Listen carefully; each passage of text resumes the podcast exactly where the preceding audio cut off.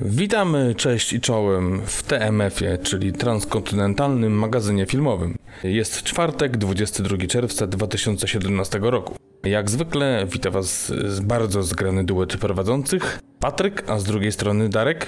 Cześć i czołem. Witam Was jak to co tydzień. Tym razem witamy Was w pół odcinku. Tym razem, jak zwykle, chcemy Was trochę poinformować, jeżeli chodzi o nowości, aktualności, premiery kinowe, a także zachęcić, czy czasami może i zniechęcić do filmów czy seriali, które udało nam się ostatnio obejrzeć. Jak zniechęcić co niechcący? Tak jest. Albo chcący, zależy. Mm, jeszcze coś? Nie wiem, możesz prowadzić dalej. No dobra, jak już tak się wyrwałeś, to, to powiedz, co tam, co tam słuchać u ciebie. Zamiedzą. Dziękuję, że pytasz. Wcale, że po staremu. Czyli dwie prace, przesłuchania, podcast prowadzę. Nie wiem, czy słyszałeś? Polecam. Zarzuć linkiem po rozmowie.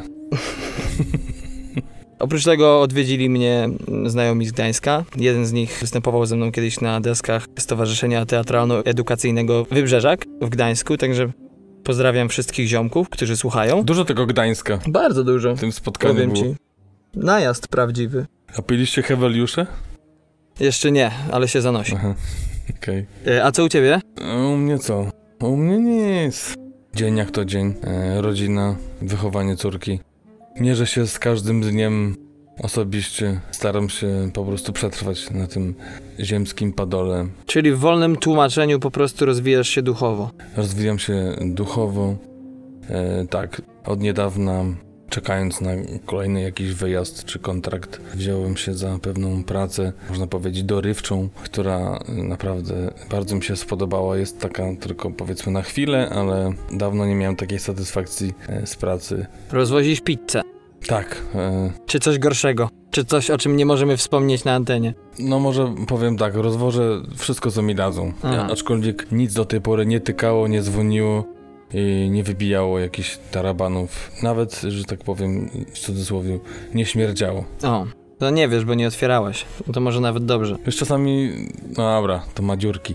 Nieważne, y, to zależy. No i koniec. e, Także zapraszamy do kolejnego. Tak to jest, jak ja zaczynam, widzisz, to... nie- Co zrobić? To może wspomnij może o małym jubileuszu. Tak, tak, to też ważne. Mamy się już czym pochwalić, czyli przetrwaliśmy pierwsze dziewięć odcinków i jesteśmy w trakcie nagrywania dziesiątego, bardzo ważnego odcinka jubileuszowego i może tutaj pokrótce trochę o symbolice. Liczby 10 jest ona końcem samym w sobie, powrotem do środka, do jedności, nowym punktem startu na ścieżce życia i samospełnienia. Liczba 1 symbolizuje początek, pochodzenie i inicjację, jakbyśmy to określili współcześnie, a dziesiątka zaś oznacza koniec lub spełnienie. Czyli to w zasadzie słuchacie ostatniego odcinku TMF-u.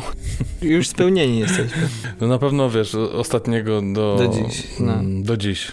A co będzie dalej? A kto wie, co przyniesie kolejny dzień, kolejna minuta? Czy w ogóle nagramy to? Czy to się da złożyć? Czy będzie przestarowane? Czy ile będzie y, ile będzie a? Czy będą trzaski? Czy zadzwoni domofon? Tak, a to tak jest, jak się, wiesz, zatrudnia gościa za darmo. I to jeszcze w Stanach Zjednoczonych. No tak, tych imigrantów takich bez umowy. No, niby taka Ameryka fajna, dokładnie. Zabierają jeszcze miejsca pracy utalentowanym Amerykanom.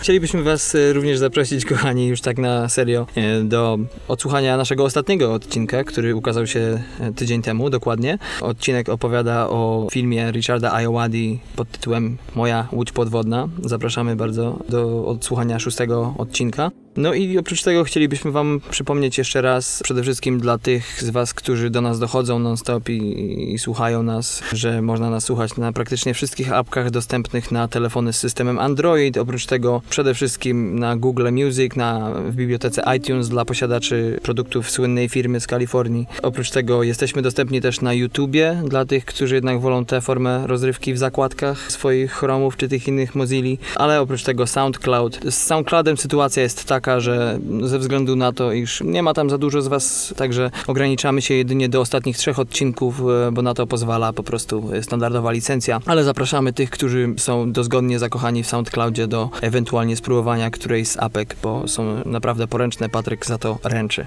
A ci, którzy są dozgodnie zakochani już w TMF-ie, zapraszamy na inne wersje naszych odcinków, czyli MP3, czy też właśnie YouTube, czy inne iTunesy.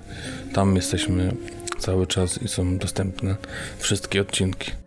No i oczywiście mamy też stronę www, na którą chcielibyśmy Was zaprosić, to www.tmfpodcast.com, gdzie znajdziecie nie tylko nasze posty w pełni opisane z linkami i trailerami do filmów, o których mówimy, także sekcja filmów krótkometrażowych, która nazywa się na stronie wideo. Tam znajdziecie filmy, które my wyszukujemy kilka razy w tygodniu i chcemy się z Wami podzielić, ale także jesteśmy dostępni na Facebooku www.facebook.com ukoślnik TMF Podcast pisane razem. Zapraszamy Was do odwiedzania nas, do dzielenia się spostrzeżeniami, do lajkowania lub też cokolwiek chcecie, byleby nie donosić na nas. No a teraz już może z, przejdźmy z housekeepingu do pierwszego dania naszego podcastu i wrzucimy trochę bardziej poważny ton, chociaż chyba do końca za to nie ręczymy, czyli do newsów. Patryk, take it away. Yy, Dziękuję Ci, Darku, za ten przemiły wstęp i, i symboliczny i zaczynamy. Czyli aktualności. Pierwszym newsem jest to, iż Diane Kruger, która właśnie niedawno zdobyła nagrodę dla najlepszej aktorki na zakończonym festiwalu w Cannes, dołączy do Steve'a Carella, znanego chociażby z takiego serialu jak The Office, czy z filmu Mała Miss, lub też użyczenia głosu Guru w Minionkach. W filmie nie mającym jeszcze tytułu, który jest projektem Roberta Zemeckisa. Zdjęcia do filmu rozpoczną się jesienią, a lista aktorów zaangażowanych w ten projekt zawiera m.in. Leslie Mann, znaną m.in. z 40-letniego prawiczka, Janelle Monet, widzianą ostatnio w nominowanym do Oscara filmie Ukryte działania, e, oraz Eiza Gonzalez, wchodzącego do polskich kin 7 lipca filmu Baby Driver. E, Projekt Zemeckisa oparty jest na dokumencie Jeffa Malberga e, z 2010 roku pod tytułem Marvin Call, opowiadającym o mężczyźnie, który zbudował miniaturową wioskę w czasach II wojny światowej z lalkami i figurkami bohaterów, by poradzić sobie z traumą związaną z wojną. Kruger zagra tu belgijską wiedźmę, która ożywia postać graną przez Karela, kiedykolwiek tylko ginie ona z rąk nazistów. Monet i Gonzalez będą grały kobiety zamieszkujące wioskę, natomiast Karel zagra budowniczego wspomnianej wioski. Autorami scenariusza są Zemeckis oraz Caroline Thompson, autorka scenariuszy do takich filmów jak Edward narzuca ręki z 1990 roku, mm, Rodzina Adamsów z 1991 czy też Gnijącej Panny Młodej z roku 2005. Kolejną informacją jest to, iż Bruce Dern, sędziwy już pan, lecz dalej bardzo dobry aktor, I w dobrej formie. tak jest, znany m.in. z filmu Nebraska, czy też y, niedawno ostatniego filmu Tarantino, czyli Nienawistna ósemka, Dakota Johnson, znana oczywiście ostatnio z filmu 50 twarzy Greya, dołączyli razem do Shia LaBeouf'a, znanego chociażby z serii Transformers, w niezależnym filmie Tylera Nilsona i Mike'a Schwarza pod tytułem The Peanut Butter Falcon. Film będzie opowiadał o rybaku łowiącym kraby, który wyrusza w podróż, by zawieźć młodego chłopaka, cierpiącego na zespół Downa, do profesjonalnej szkoły w wrestlingu na peryferiach północnej Karoliny, z dala od domu, w którym spędził większość swojego życia. Główną rolę zagra Zachary Gottsagen, którego historia zainspirowała autorów do napisania scenariusza. Prace nad produkcją rozpoczną się jeszcze w tym miesiącu w mieście Savannah w stanie Georgia. Jeśli chodzi o wspomnianego już Bruce'a Derna, zaangażowany jest on w wiele projektów, z których najważniejszym wydaje się być film opowiadający o senatorze Tedzie Kennedy, najmłodszym bracie słynnego prezydenta USA Johna F. Kennedy'ego, a tytuł filmu nawiązuje do spowodowanego przez senatora wypadku, z którego ten wydostał się cały, pozostawiając w będącym w wodzie samochodzie swoją 28-letnią pasażerkę. Następnym trzecim newsem jest to, że Europejski Trybunał Sprawiedliwości podjął niedawno decyzję, która powinna ułatwić właścicielom praw autorskich ochronę swoich dzieł poprzez zablokowanie użytkownikom internetowym dostępu do popularnej strony torrentowej The Pirate Bay, pełnej nielegalnych kopii filmów, czy seriali, czy też czegokolwiek, co sobie dusza zażyczy. I ze względu na to, iż prawdę mówiąc jest to niemożliwe, aby wejść do domów wszystkich użytkowników torrentów, Trybunał doszedł do wniosku, że o wiele łatwiej będzie mu po prostu zablokować dostęp do platformy, która umożliwia taką wymianę danych.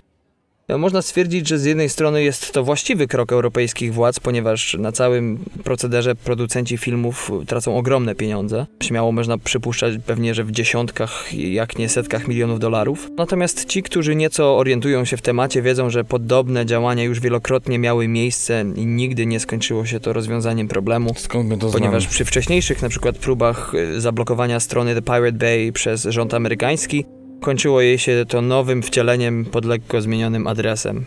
No moim zdaniem nie będzie inaczej w tym przypadku. A jeśli dodamy do tego fakt istnienia setek stron umożliwiających nielegalne streamowanie filmów, seriali itd., no to wygląda to na kolejną odsłonę walki z wiatrakami. Kolejną wiadomością jest to, że grupa Weinstein słynnych braci odkryła karty dotyczące daty wejścia do kin remake'u francuskiego hitu Nietykalni z 2011 roku z Omarem Sy i François Cluzet w rolach głównych. Amerykańska wersja zapowiedziana jest na 9 marca 2018 roku. Dla przypomnienia, oryginalny film opowiada o niezwykłej i dość niecodziennej przyjaźni między całkowicie sparaliżowanym bogatym człowiekiem, a mężczyzną, którego milioner zatrudnia do pomocy przy właściwie czymkolwiek. Film zostanie wyreżyserowany przez Nila Burgera, e, znanego z reżyserii takich poprzednich filmów jak Iluzjonista z 2006 roku czy Jestem Bogiem z 2011, a za produkcję filmu, o którym mowa, odpowiedzialni będą właśnie Harvey Weinstein, ale także Jason Blumenthal czy Todd Black, panowie, którzy zjedli naprawdę swoje zęby nie tylko w filmie, ale przede wszystkim na telewizji amerykańskiej. W rolach głównych w amerykańskiej wersji wystąpią Brian Cranston oraz Kevin Hart. No i to na pewno dobra wiadomość dla grupy Weinstein, ponieważ ostatnio głośniej było raczej o jej perypetiach związanych z kolejnym przesunięciem premiery filmu Amityville Przebudzenie w rolach głównych m.in. z Jennifer Jason Lee. Powstaje nowa komedia pod tytułem Tag e, produkcji New Line Cinema, w której wystąpią John Hamm, wcześniej znany z serialu Mad Men, Jeremy Renner, którego wcześniej mogliście widzieć w filmie Jason Bourne, Arrival, czy też serii Avengers. Ale to nie wszystko, ponieważ oprócz tej dwójki w filmie zobaczymy również Eda Helmsa, widzianego wcześniej w serialu The Office czy filmie Cas Vegas, Jake'a Johnsona z Jurassic World czy też serialu Jazz i Chłopaki, a także Annabelle Wallis, wcześniej wspomnianej przez nas a propos roli w filmie Mumia czy też w filmie Król Artur Legenda Miecza, a także Rashida Jones, wcześniej znana z takich seriali jak Parks and Rec, czy też Angie Tribeca, serialu, który całkiem niedawno oglądałem i podobał mi się. A propos, myślę tutaj o fanach komedii w stylu nagiej broni. Pierwszy klaps filmowy zapadnie jeszcze w tym miesiącu w mieście Atlanta w stanie Georgia, który jest drugim po Hollywood najważniejszym centrum, jeżeli chodzi o przemysł filmowy. Film oparty jest na tak zwanych faktach autentycznych, a dokładnie na historii opisanej przez gazetę The Wall Street Journal, opowiadającej o grupie przyjaciół, którzy grali w wersji popularnej gry dziecięcej właśnie pod tytułem Tag, czyli amerykańska wersja naszego podwórkowego berka. Jednakże w tym filmie gra polega na tym, iż wszystkie chwyty są dozwolone. To tak jak u nas w Zielonej Górze. Aha. Nie patyczkowaliśmy się. E, John Hamm zagra przesadnie ambitnego człowieka, zarówno w szkole, jak i w życiu zawodowym, który teraz odnosi duże sukcesy w biznesie. Film w reżyserii Jeffa Tomsika zapowiedziany jest na 29 czerwiec 2018 roku. Co ciekawe, początkowo Ham miał zagrać rolę mężczyzny, który nadużywa marihuany, który właśnie stracił również miłość swojego życia. Jednak w tej roli ujrzymy wspomnianego już Jake'a Johnsona. First Look Media oraz studio Topic, to już kolejna aktualność, czy też news, doszły do porozumienia w celu wyprodukowania filmu Inner City z Denzelem Washingtonem w roli głównej. Film będzie opowiadał o prawniku z Los Angeles, Romanie Izraelu, który po stracie swojej partnerki dołącza do prestiżowej firmy prawniczej i bierze na swoje barki sprawę, która na zawsze odmieni jego życie.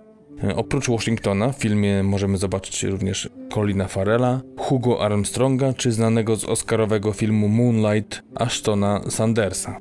Producenci tego filmu liczą na to, iż premiera tego filmu będzie miała miejsce pod koniec 2017 roku, a za reżyserię odpowiadał będzie Dan Gilroy, znany do tej pory głównie jako autor scenariuszy do takich filmów jak Kong, Wyspa Czaszki czy Dziedzictwo Burna. Natomiast jego debiutem reżyserskim był Wolny Strzelec z Jackiem Gyllenhaalem w roli głównej. Który naprawdę mi się podobał, muszę powiedzieć. To jest film, który nie wiem, czy jest w Polsce znany, ale może kiedyś będzie trzeba o nim zrobić odcinek. Wiesz co, no jak widziałem, było dość głośno o tym przy premierze tego w polskich kinach. No to się to wytnie. Tak, to to wytnie. To skoro mowa o Denzelu Washingtonie, to odbijemy trochę na prawo lub też lewo, w zależności z której strony patrzymy i porozmawiamy sobie o Ryanie Goslingu, bo ten założył niedawno firmę producentką pod tytułem Arkana, y, wespół z Kenem Kao, producentem takich filmów jak Nice Guys, Równi Goście, Song to Song, Terensa Malika, czy Milczenie z Andrew Garfieldem i Adamem Driverem w rolach głównych. Pierwszym filmem pod szyldem Arkany będzie Faworyt w reżyserii Jorgosa Lantimosa, znanego chociażby z reżyserii Lobstera.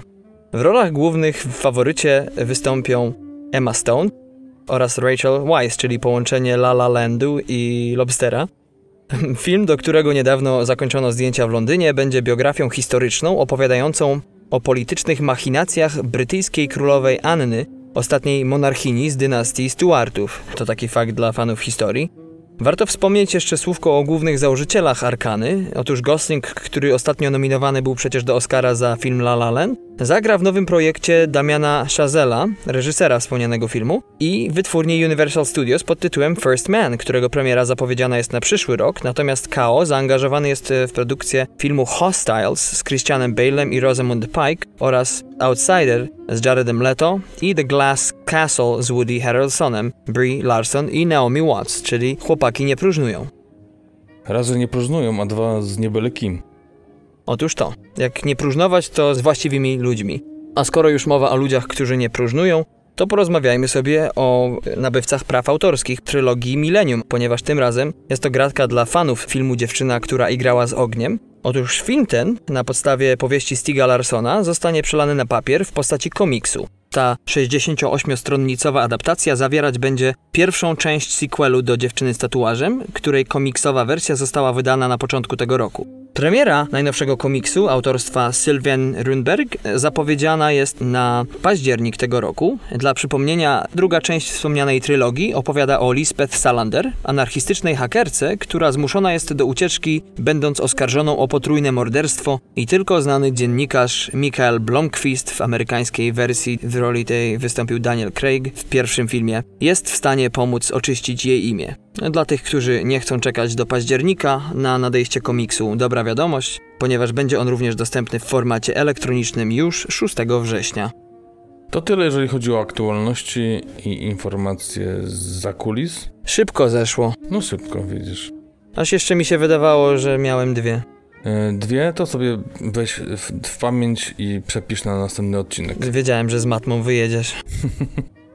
Przejdźmy teraz do premier kinowych, jeżeli chodzi o polskie ekrany, polskie kina. Wspomnieć należy o premierach na 23 czerwiec, na ten piąteczek, które omawialiśmy już w poprzednim odcinku, na który po raz kolejny zapraszam, mówiliśmy o filmie Submarine. Tam szerzej omówiliśmy takie filmy jak e, właśnie wchodzące w ten piąteczek Transformers Ostatni Rycerz, Czerwony Żółw, Tożsamość Zdrajcy oraz Jak dogryźć mafii. Tam na początku odcinka, po przywitaniach, będziecie sobie mogli o nich posłuchać.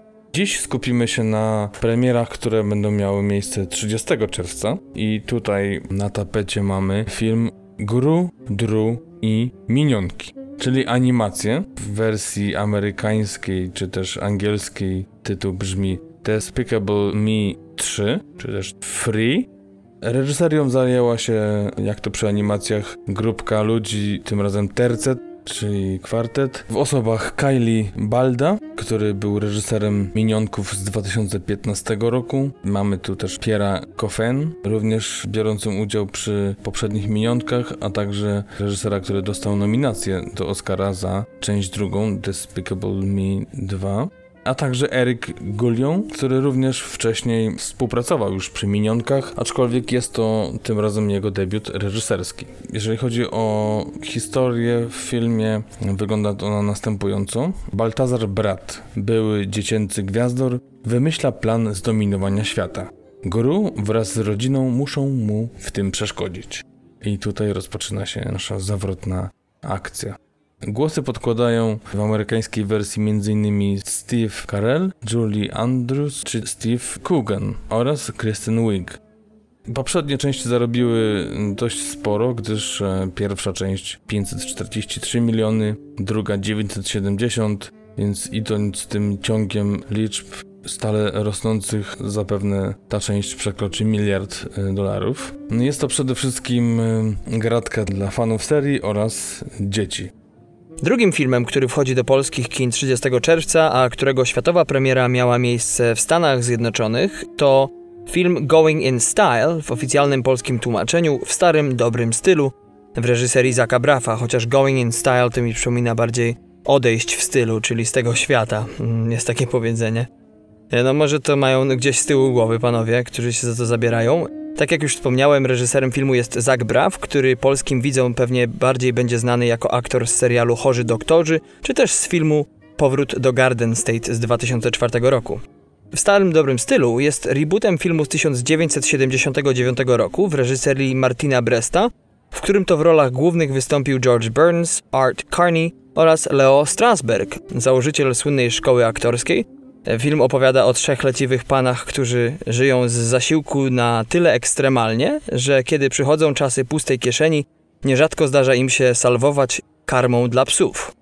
Pewnego razu jednak panowie ci mówią temu dość. Otóż wpadają na pomysł, aby obrabować bank.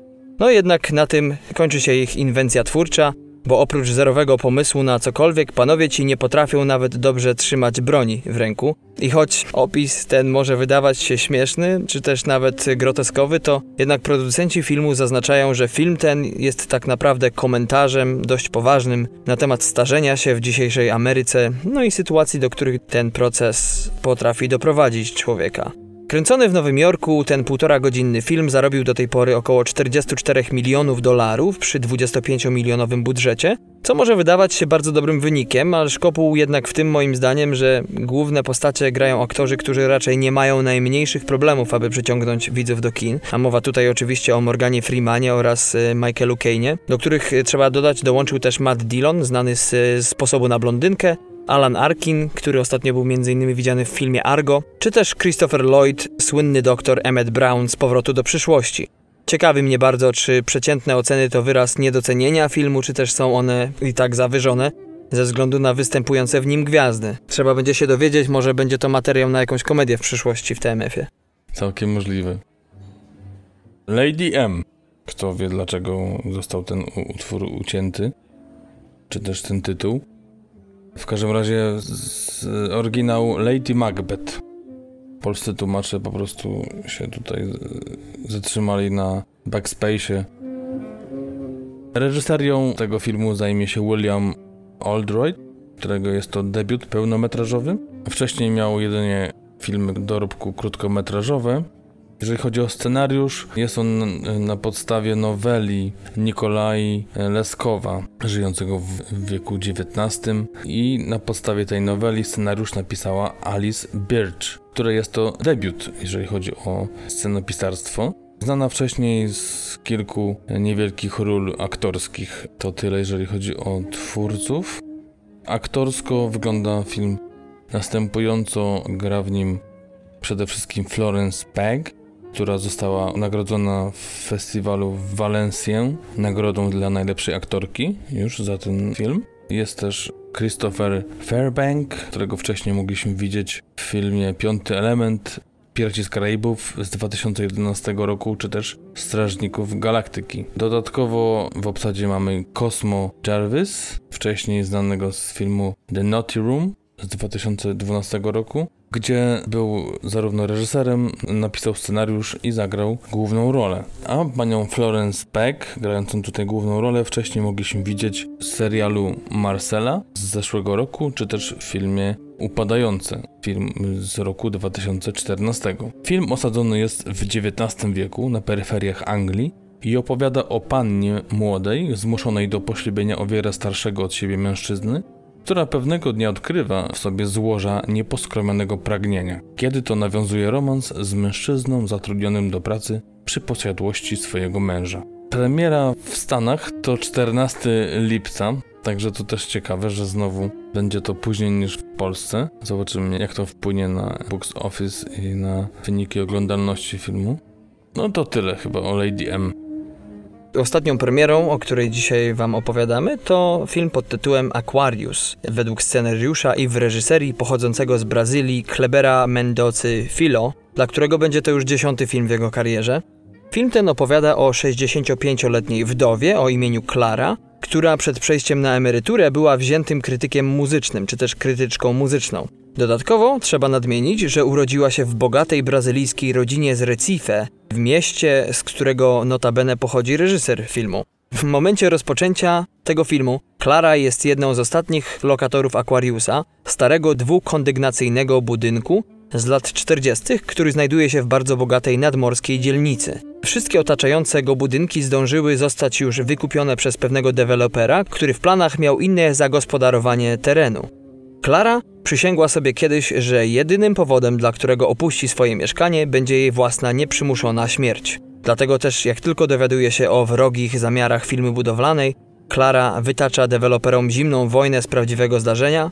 Natomiast cała sytuacja nie tylko wprowadza Klarę w stan nerwowości i strachu przed jutrem, ale też zmusza ją do pewnego rodzaju rozrachunku ze swoją przeszłością oraz do zastanowienia się nad jej relacjami z bliskimi jej osobami. Premiera światowa Aquariusa nastąpiła 1 września zeszłego roku, natomiast co ciekawe, film ten był już pokazywany w Polsce przy okazji łódzkiego festiwalu Transatlantyk w czerwcu zeszłego roku.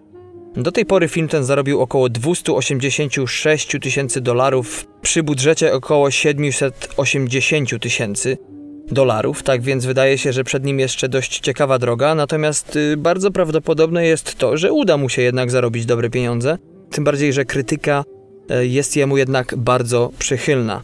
W rolach głównych wystąpią Sonia Braga, Mav Jenkins czy Irandir Santos. To tyle jeśli chodzi o premiery. Czyli przechodzimy do segmentu, w którym chwalimy się, jakie filmy oglądamy, jakie seriale oglądamy. I może ja zacznę od serialu. Ostatnio zainteresował mnie serial na Netflixie. Co gorsze, zainteresował mnie w momencie, kiedy dowiedziałem się, iż został skasowany przez złowrogą firmę. Czyli po drugim sezonie mm, państwo z Netflixa doszli do wniosku, że niestety, ale z jakiegoś powodu produkcja nie może być kontynuowana. Tak naprawdę wystąpienie ich było tak lakoniczne, że już bardziej chyba nie mogło być. Po prostu powiedzieli, że dużo myśleli o tym, czy, czy, czy jakby ciągnąć historię dalej i jak, jakoś tam im z kalkulacji e, nie wiadomo jakich już tam oni dobrze wiedzą, jakich wyszło im, że niestety, ale muszą e, podziękować i mają nadzieję, że fani się tutaj nie odwrócą od nich, będą z nimi e, trwać. E, obejrzałem 9 odcinków e, razem z moją żoną. Obejrzeliśmy 9 odcinków przez 3 dni chyba.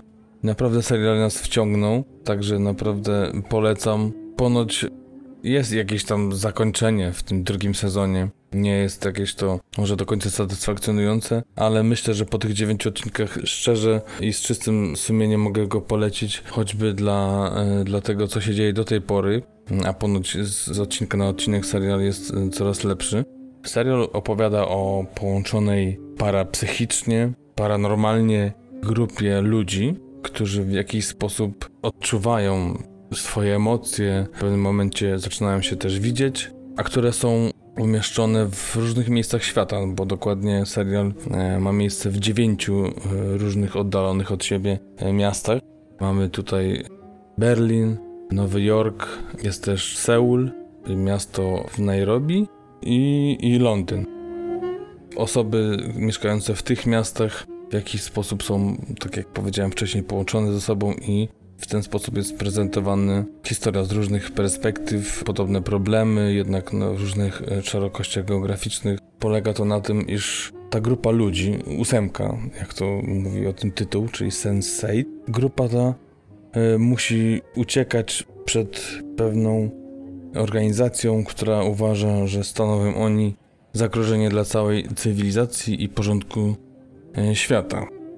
E, Serial, co zarzuca mu się na samym początku, e, dość wolno roz, rozwija akcję, dość wolno i mało na samym początku się dzieje. E, Teraz przy tym dziewiątym odcinku jest już coraz lepiej. Serial dostał pewnego tempa, które już jest powiedzmy satysfakcjonujące, jeżeli chodzi o fanów takich właśnie seriali z akcją, gdyż jest to, można powiedzieć, coś w stylu fantazy, science fiction, kryminału, thrillera, pewne takie połączenie tych wszystkich gatunków. I co można więcej o nim powiedzieć? Przede wszystkim twórcy. To siostry Wachowskie, wcześniej znane z y, trylogii Matrixa, ale także z Atlasu Chmur z 2012. E, Jednakowoż e, ostatnio bardziej znani się z gniotów typu Speed Racer czy też filmu Jupiter. Podobno mm, jedną z, ważniejszych kwestii, bo też jeżeli nie wiadomo do końca o co chodzi, to wiadomo, że chodzi o to, o co wszędzie chodzi. Każdy odcinek kosztował e, twórców aż 9 milionów dolarów. E, Co naprawdę e, widać, co e, da się wyczuć w scenach, tym przepychu kolorów, w świetnym montażu, w tym jak postaci są ze sobą zgrywane, połączone, jak, jak są przedstawiane, jeżeli chodzi o ruch kamery, jeżeli chodzi o obsadę.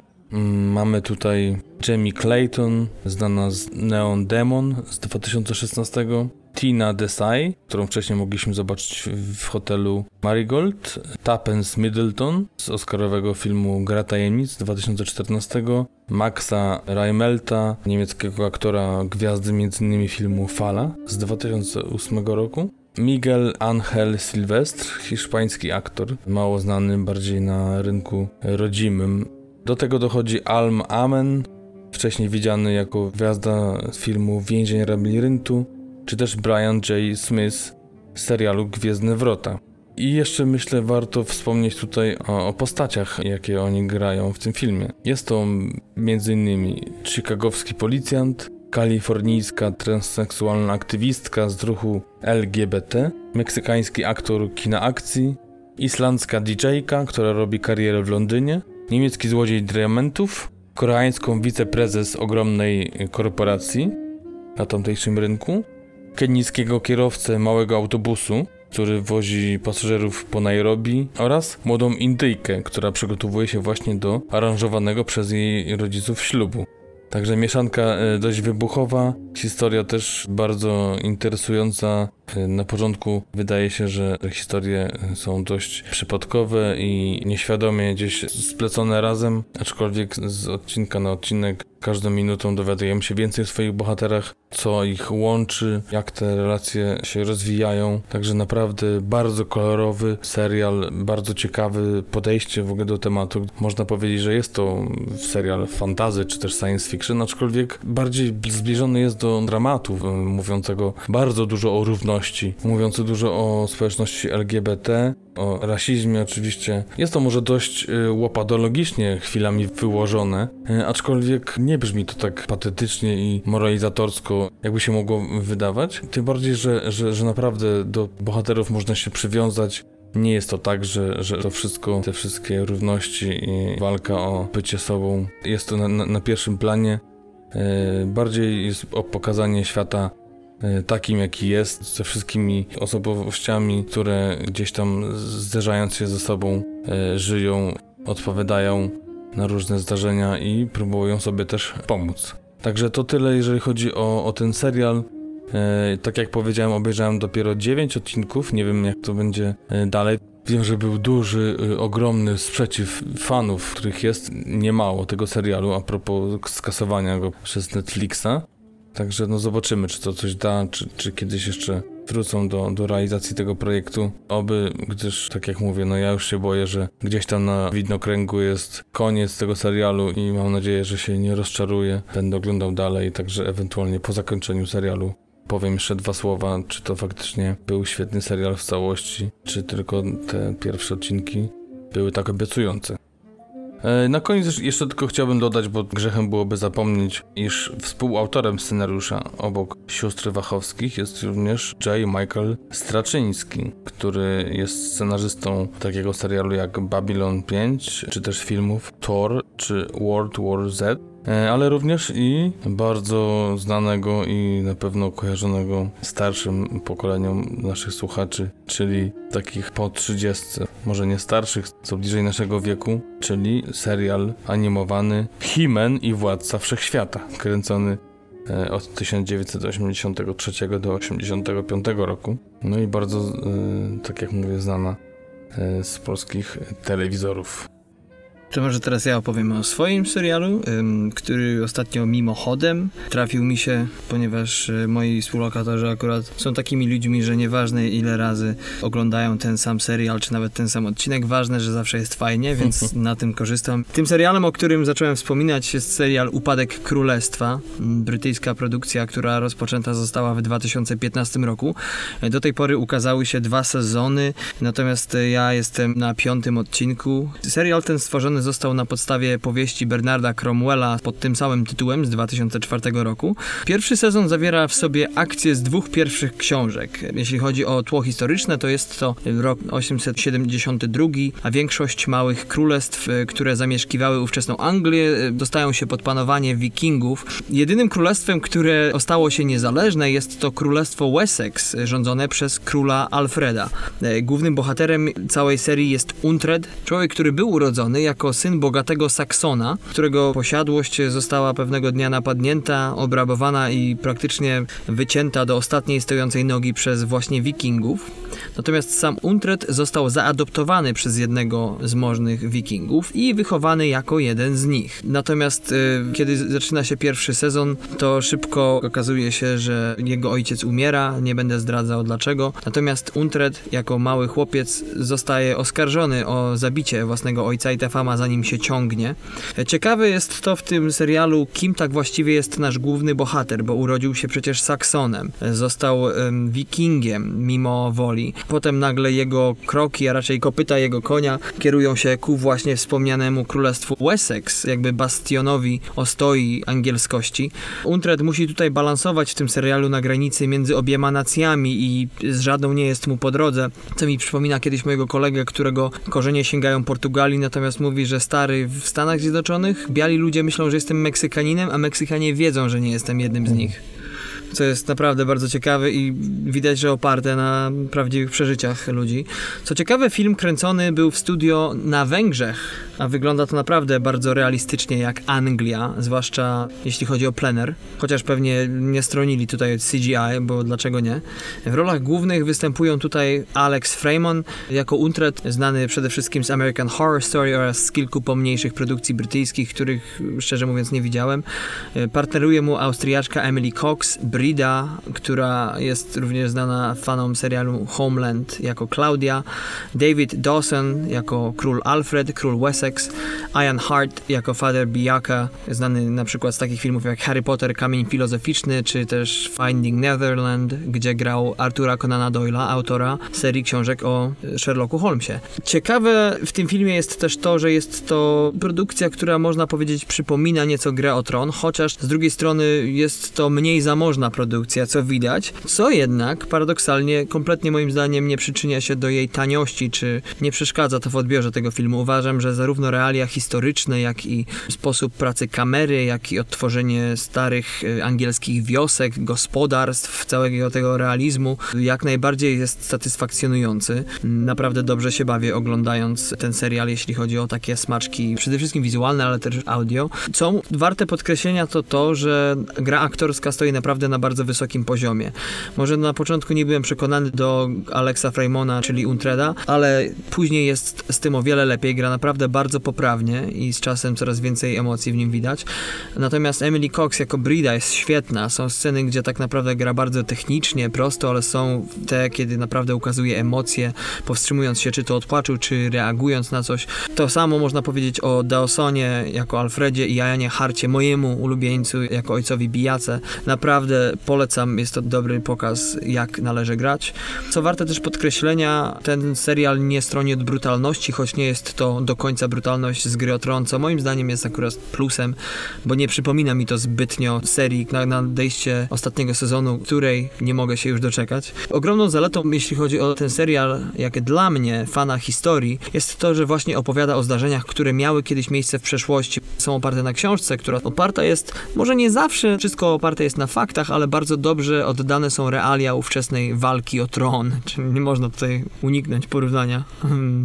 W odróżnieniu od gry o tron, chodzi tutaj w zasadzie o walkę, która jakby poprzedza uformowanie samego tronu Królestwa Anglii. Więc jednak jest to mała różnica, aczkolwiek bardzo ważna. W serialu tym zarówno Saksonowie, jak i Wikingowie porozumiewają się bez tłumaczeń, nie ma tutaj żadnych dopowiedzeń i tak dalej. A to dlatego, że tak naprawdę oni porozumiewali się kiedyś tak jak dzisiejsi Hiszpanie i Portugalczycy. Jako smaczek można dodać również, że sami Anglicy, jak już wspomnieni Saksonowie, czy też Jutowie, którzy występują w tej serii, wyemigrowali kiedyś rzeczywiście do Wielkiej Brytanii, cztery wieki wcześniej dokładnie, z dzisiejszej Danii i północnych Niemiec, więc można powiedzieć, że faktycznie wszystkie te plemiona uwikłane w tą walkę są spokrewnione ze sobą. No i moim ulubionym cytatem, jeśli chodzi o pierwszy sezon i to, co do tej pory obejrzałem, to cytat króla Alfreda, króla wspomnianego już królestwa Wessex, który powiedział, że jeżeli Anglia ma się odrodzić, to właśnie tutaj, ponieważ to Wessex jest Anglią. Wessex jest tym miejscem, gdzie Anglia będzie miała swój początek. Y, A na koniec dodam, że ci z Was, drodzy słuchacze, którzy mają dostęp do Kanal Plus seriale, mogą obejrzeć ten serial. Może niekoniecznie od pierwszego sezonu, ale jak macie ochotę, ja zacząłem grę o Tron od ostatniego sezonu i potem się musiałem wrócić, także każda metoda dobra. Y, Jeżeli, Ale to cofasz się o jeden e, sezon do tyłu, tak jak, nie wiem, porównując do Memento, czy cofasz się od razu do pierwszego? Chciałem, cofam się do pierwszego, a w zasadzie zaczynam na nowo. Mhm. Po pierwszym, czyli po ostatnim sezonie, stwierdziłem, że jednak teraz wolałbym coś więcej rozumieć. Także troszeczkę bardziej ortodoksyjnie podszedłem do tematu. Mhm. Przejdźmy może zatem do filmów, które ostatnio obejrzeliśmy. Co ty, Patryk, co, co się tobie ostatnio trafiło? No właśnie. No mi się trafił film, który został zainspirowany naszym poprzednim odcinkiem, czyli studiowaniem troszkę filmografii twórców właśnie tego filmu Moja Łódź Podwodna, a konkretnie moim zdaniem najlepszego aktora z tamtej produkcji, czyli Paddy Considine, który zagra główną rolę w filmie Buty Nieboszczyka z 2004 roku. I o tym właśnie filmie chciałbym kilka zdań powiedzieć, gdyż czytałem o tym, że jest to jeden z lepszych jego filmów i faktycznie film wyreżyserowany przez Shana Meadowsa, który wcześniej zdobył serca krytyków, ale również i publiczności komedią Pewnego razu w Midlands z 2002 roku. Film ten toczy się w bardzo podobnej scenerii co do tego pierwszego filmu, który wymieniłem. Jesteśmy znowu mało miasteczkowej prowincji angielskiej. Jednakże jest to zupełnie inny film, gdyż no jeżeli chodzi o wątki komediowe, to można powiedzieć, że tutaj są w zabarwieniu jak tylko się da czarnym. Nie można za dużo tutaj powiedzieć o humorze w tym filmie. Jest to taki thriller bardzo mocny i brutalny, tak zwany film zemsty, opowiadający o byłym żołnierzu Richardzie, który wraca do rodzinnego miasteczka, e, aby zemścić się na bandytach, którzy kilka lat e, wcześniej skrzywdzili jego młodszego brata. I wraz z rozwojem akcji dowiadujemy się, co tak naprawdę się przydarzyło jego bratu, co sprawia, że tak bardzo chce tej zemsty. I film naprawdę zaskakuje końcówką, finałem akcji, który jest naprawdę nie do, myślę, przewidzenia, a jednocześnie trzyma przez cały okres trwania filmu w napięciu. Jest to bardzo prostolinijny, żeby nie powiedzieć prosty film. O naprawdę nieskomplikowanej budowie, który przez znakomite aktorstwo, nie tylko właśnie Paddy Considine, ale również aktora, który gra jego brata, który to wcześniej może być wam znany z takich filmów jak na przykład Warcraft niedawno, czy też ewolucja planety Małp, ale ja go bardziej kojarzę z filmu Gaja Ritchiego, czyli rock'n'rolla. A mówię tu oczywiście o Tobi Kebelu, naszym Darku równolatku, tak a propos. Który wcielił się w może nie tyle niedorozwiniętego chłopca, chociaż mógł sprawiać takie wrażenie, a jednak jest to porażenie mózgowe, które no, powoduje taki, a nie, a nie inny obraz jego postaci, takie emocje i jakby prostoty też podejścia do świata oraz naiwność, która jest nastolatek, ale jest to naiwność naprawdę kilkuletniego dziecka. Przez co ci niedobrzy koledzy tak naprawdę, którzy udają jego kolegów, no, robią mu krzywdę, za którą no, brat chce się zemścić. Od samego początku wiemy, że będzie to produkcja niskobudżetowa i, i dość niezależna, gdyż pierwsze sceny to są momenty, kiedy właśnie Richard idzie razem z bratem przez pola, przez wioski, szukając gdzieś miejsca do noclegu, a przeplatany jest to przybitkami z czasów dzieciństwa, z czasów, gdy, gdy razem mieszkali z rodzicami i to, jak się rozwijała ich miłość, powiedzmy, braterska, czy relacje, jaki mieli do siebie stosunek, czy też może bardziej jaki starszy brat miał do młodszego, który jednak był zawsze wzorem e, dla młodszego. Przez to, że brat wyjechał do wojska, młodszy brat wkręcił się w nieciekawe towarzystwo, które doprowadziło do takich, a nie innych zdarzeń. Także cały film jest, jest bardzo przeplatany, bardzo duża część jest przeplatana wspomnieniami. Dowiadujemy się po kolei, co się działo z tym chłopakiem, jaką krzywdę mu wyrządzili i to dlaczego brat po powrocie z wojska chce się na nich y, zemścić. Shane Meadows y, napisał ten scenariusz wraz właśnie z Pedim Considinem i tutaj widać y, bardzo duży wpływ właśnie głównego i ulubionego aktora na klimat filmu, który no, wymyka się spod klasycznych, sensacyjnych schematów i no naprawdę jest to coś dla koneserów kina, ale również dla poszukiwaczy rozrywki. Myślę, będzie to dobra rzecz. A także przede wszystkim myślę kina artystycznego, kina festiwalowego. Zresztą właśnie Toby Kibel dostał nominację do BAFTY za swoją rolę. Film nie zdobył wielu nagród, ale był doceniony bardzo przez krytykę. Do dziś dobrze się o nim wypowiadają i wracają do, do tego dzieła, mówiąc o, o twórczości Shane'a Meadowsa. Film również ma wysokie oceny na, na portalach, na przykład na IMDB jest ocena 7,7 na 10. Bardzo podobną ocenę ma na Filmwebie, również powyżej 7.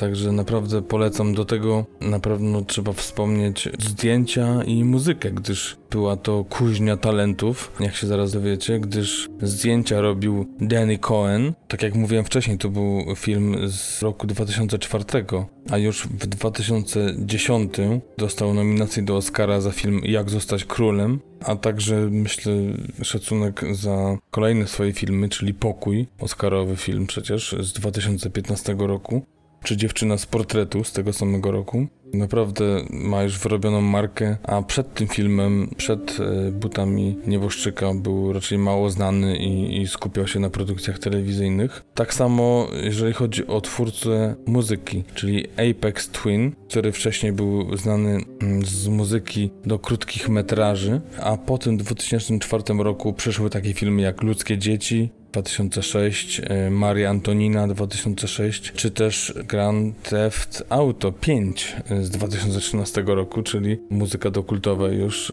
gry.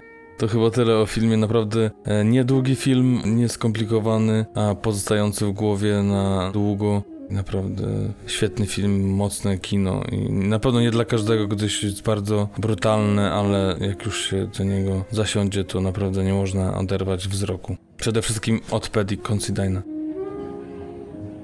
Yes. Be my guest.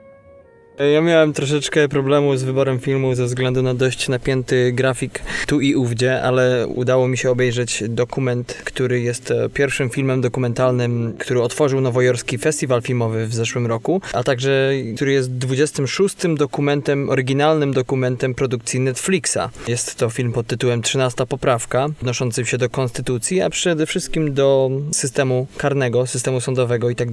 Film ten jest w reżyserii Avy DuVernay, która zasłynęła bardziej jako producentka Selmy z Danielem Oyelowo. Natomiast jak przegląda się jej biografię, to trzeba stwierdzić, że naprawdę ona pracowała nad wszystkim. Nad takimi filmami jak Hairspray, jak Shrek, jak Ja Robot, setkach innych. Przede wszystkim jako specjalista od marketingu i tak dalej, no ale trzeba powiedzieć, że lista jej filmów jest naprawdę, naprawdę imponująca. Mm, współautorem scenariusza jest Spencer Averick, montażysta Selmy wspomnianej, który również ma w swoim dorobku wiele różnych ról i udziału w wielu różnych projektach. Film ten jest dosyć bardzo realistycznym, bardzo y, gorzkim dokumentem, który opowiada o, o, o statystykach więziennych przede wszystkim w Stanach Zjednoczonych, y, ponieważ trzeba wiedzieć, że około 35% więźniów na całym świecie przebywa właśnie w więzieniach w Stanach Zjednoczonych. A jeśli się porówna na przykład liczebność USA do globalnej, czyli że Stany Zjednoczone i zamieszkujący je ludzie to tylko 5% całej populacji, no to rzeczywiście tutaj wiedziemy prym i, i, i pałeczka naprawdę zaciśnięta w łapce. Film opowiada również, pokazuje jak to kolejne prezydentury przyczyniały się do zwiększenia liczebności tych więzień. Trzynasta poprawka nie tylko pokazuje, jak tak naprawdę problem więziennictwa nie został nie tylko nierozwiązany, co jeszcze został pogłębiony. Opowiada również o mocy nabywczej pieniądza, e, odnosi się również do niewolnictwa, a to a propos właśnie tego, że większość ludzi w Stanach Zjednoczonych w więzieniach i to bardzo wielu z nich za tak naprawdę przekroczenia związane z rzeczami typu, no powiedzmy posiadanie marihuany czy coś takiego, to jednak czarnoskórzy ludzie. Film ten opowiada dobitnie, jak jak to y, bardzo wielu więźniów jest wykorzystywane jako tania siła robocza przez wielkie korporacje. I oczywiście tutaj y, w Stanach Zjednoczonych y, społeczeństwo jest podzielone, bo oczywiście wielu ludzi ma poczucie, że skoro już są w więzieniach, to powinni jakoś odpracowywać to, co zrobili, odbywać pracę społeczną, ale tutaj w tym filmie pokaz jest pokazane dobitnie, jak ogromne korporacje zagrabiają grube miliony, na przykład każąc im szyć jeansy, a potem sprzedając za dobre pieniądze. A Także, co to w ogóle, no, Darku, niewolnic... jest ta trzynasta poprawka? Do czego to się odnosi? Do Konstytucji Stanów Zjednoczonych. Na przykład First Amendment to jest o wolności słowa, bodajże Second Amendment to jest to słynne posiadanie broni i tak dalej, i tak dalej. Mhm. Y, no i y, y, tutaj też warto wspomnieć o takiej sytuacji, jaka miała miejsce z Ronaldem Reaganem, bo ten film spędza troszeczkę czasu nad takim zagadnieniem, jakim było War on Drugs, czyli wojna narkotykowa, którą Ronald Reagan w telewizji wygłosił któregoś dnia, wytoczył kartelom narkotykowym i tak dalej. Natomiast ostatnio, już nie pamiętam dokładnie kiedy, jeden z jego dawnych współpracowników, jeszcze żyjący, przyznał się publicznie w Stanach Zjednoczonych do tego, że ta wojna narkotykowa została tak naprawdę wprowadzona przez Ronalda Reagana, żeby odsunąć od władzy czy od możliwości wpływu na władzę dwie bardzo duże e, grupy społeczne, które były zagrożeniem dla rządu Stanów Zjednoczonych. Przede wszystkim byli to czarnoskórzy ludzie, przynajmniej tak rząd amerykański ich widział, według słów e, byłego współpracownika, e, nieżyjącego już prezydenta, a także hipisi. I o co chodziło? Chodziło o posiadanie narkotyków. Otóż jeżeli złapano hipisa na posiadaniu marihuany, a czarnoskórego na, na przykład twardszego narkotyku typu heroina, to wtedy dostawali oni tak zwany federal offense, czyli federalne wykroczenie, a federalne wykroczenie automatycznie eliminuje cię z możliwości głosowania w wyborach jakichkolwiek, czy to do kongresu, czy prezydenckich. No faktycznie. Żyjąc w tym kraju i rozmawiając z wieloma Amerykanami, Naprawdę jest to społeczeństwo, którego duża część jest bardzo krytyczna w stosunku do, do swojego rządu. Oczywiście kochają Nowy Jork, inne miejsca i hamburgera, ale też raczej nie są apologetami kolejnych wykroczeń w jakimkolwiek to celu, czy, czy, czy podług jakiejkolwiek ideologii, do których dopuściły się kolejne rządy Stanów Zjednoczonych. I to jest dosyć ciekawe. Tu nie chcę wchodzić w politykę, bo jest to podcast o filmie, natomiast ten dokument do niedawna był i chyba jeszcze jest dostępny na Netflixie. Nie jestem pewien, czy w Polsce. Polecam jeszcze raz wszystkim, którzy będą mieli okazję obejrzeć ten film na Netflixie, czy jeśli będzie gdziekolwiek indziej, w telewizji, czy na, na satelicie, Film pod tytułem 13 poprawka reżyserii Ava DuVernay. Jest to naprawdę y, godzina z hakiem trzeźwości. No widzisz, czyli ja tym razem zyskałem jakiś ciekawy dokument do obejrzenia, bo też zaniedbałem tą część swojej duszy. No dobrze, moi drodzy, to chyba tyle na dziś. Nie wiem, jak to Darek poucina, żeby nie było za nudno. Także dziękujemy Wam, kochani, y, za to, że nas słuchacie, za to, że, y, że nas subskrybujecie na iTunesie, czy też na, w innych e, ciekawych miejscach e, tego typu. Bardzo nam miło, że dotrwaliśmy do tego dziesiątego odcinka z wami. E, na pewno to, że jesteście miało wpływ na to, że tu jesteśmy. Bez was pewnie skończyłoby się już gdzieś w okolicach drugiego odcinka. Zresztą ja muszę dodać, że rzeczywiście robienie podcastu jest naprawdę wymagającym zajęciem. No nie wiem Patryk jak ty, ale jest to ogromna zmiana w życiu, prawda? No tak, tym bardziej, że, że faktycznie y, staram się rzetelnie przygotowywać do tych y, filmów, o których mówimy.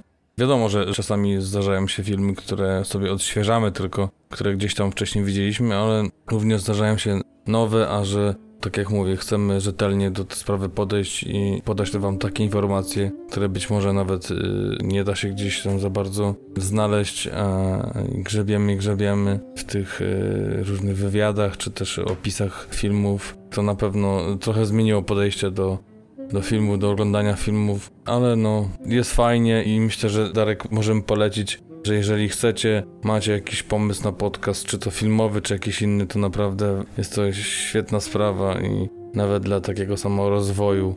There is no better time than now, czyli nie ma lepszego czasu niż teraz. Tak jest. Także jeszcze raz dziękujemy, że jesteście z nami. Oby ta przygoda nasza trwała jeszcze dłużej i jak to mówi klasyk, do końca świata i o jeden dzień dłużej. Kto wie, kto wie. Mickiewicz. W tym miejscu również e, należy wspomnieć o tym, iż kolejny odcinek wychodzi 29 czerwca. Będzie to nasz pełny odcinek. Tym razem na tapecie będziemy mieli film animowany. Chociaż może zbyt banalnie to brzmi i lepiej nazwać go poklatkowym komediodramatem animowanym. Przygotowaliśmy naprawdę świetny poklatkowy komediodramat animowany, który prawdopodobnie nie znacie albo niewielu was zna, a jest y, naprawdę co oglądać, o czym mówić i miejmy nadzieję czego słuchać. I o co się kłócić. Tak jest. Oprócz tego, jak zwykle, zapraszamy Was na naszą stronę internetową www.tmfpodcast.com oraz na naszą stronę facebookową www.facebook.com ukoślnik TMF Podcast pisane razem, gdzie będziecie mogli znaleźć oprócz naszych odcinków także różne newsy, e, wiadomości, ciekawostki ze świata filmu i serialu. Tak jak już wspomnieliśmy też, dwa razy w tygodniu wrzucamy krótkie filmiki do naszej sekcji na stronie internetowej, do której też linki znajdziecie też na Facebooku, także zapraszamy jeszcze raz. Y, mamy nadzieję, że jest to przyjemne wypełnienie waszego dnia. Jeśli chcecie się z czymś z nami podzielić, jakąś uwagą na temat podcastu, czy jakimś filmem, o którym warto waszym zdaniem zrobić jeden z naszych pełnych, albo może i nawet pół odcinków i wcisnąć je e, w filmy, które będziemy oglądali, Zapraszamy gorąco do używania albo formularza kontaktowego na stronie, a także możecie do nas wysłać wiadomość używając stronę facebookową. Także to tyle, jeśli chodzi o kazanie na koniec. No i zostało nam chyba tylko się pożegnać, nie rozczulać na koniec. Dziesiąty odcinek minie, Cats też, więc zacznie się nowy dzień, nowe obowiązki i nowy, lepszy świat. Jak widzicie, czas kończyć, e, gdyż robi się coraz e, ciemniej. Także dziękujemy. Do zobaczenia, usłyszenia. Za dzisiaj e, dziękuję ja, czyli Patryk. Oraz ja, czyli Darek. Dziękujemy pięknie. Do zobaczenia. Cześć.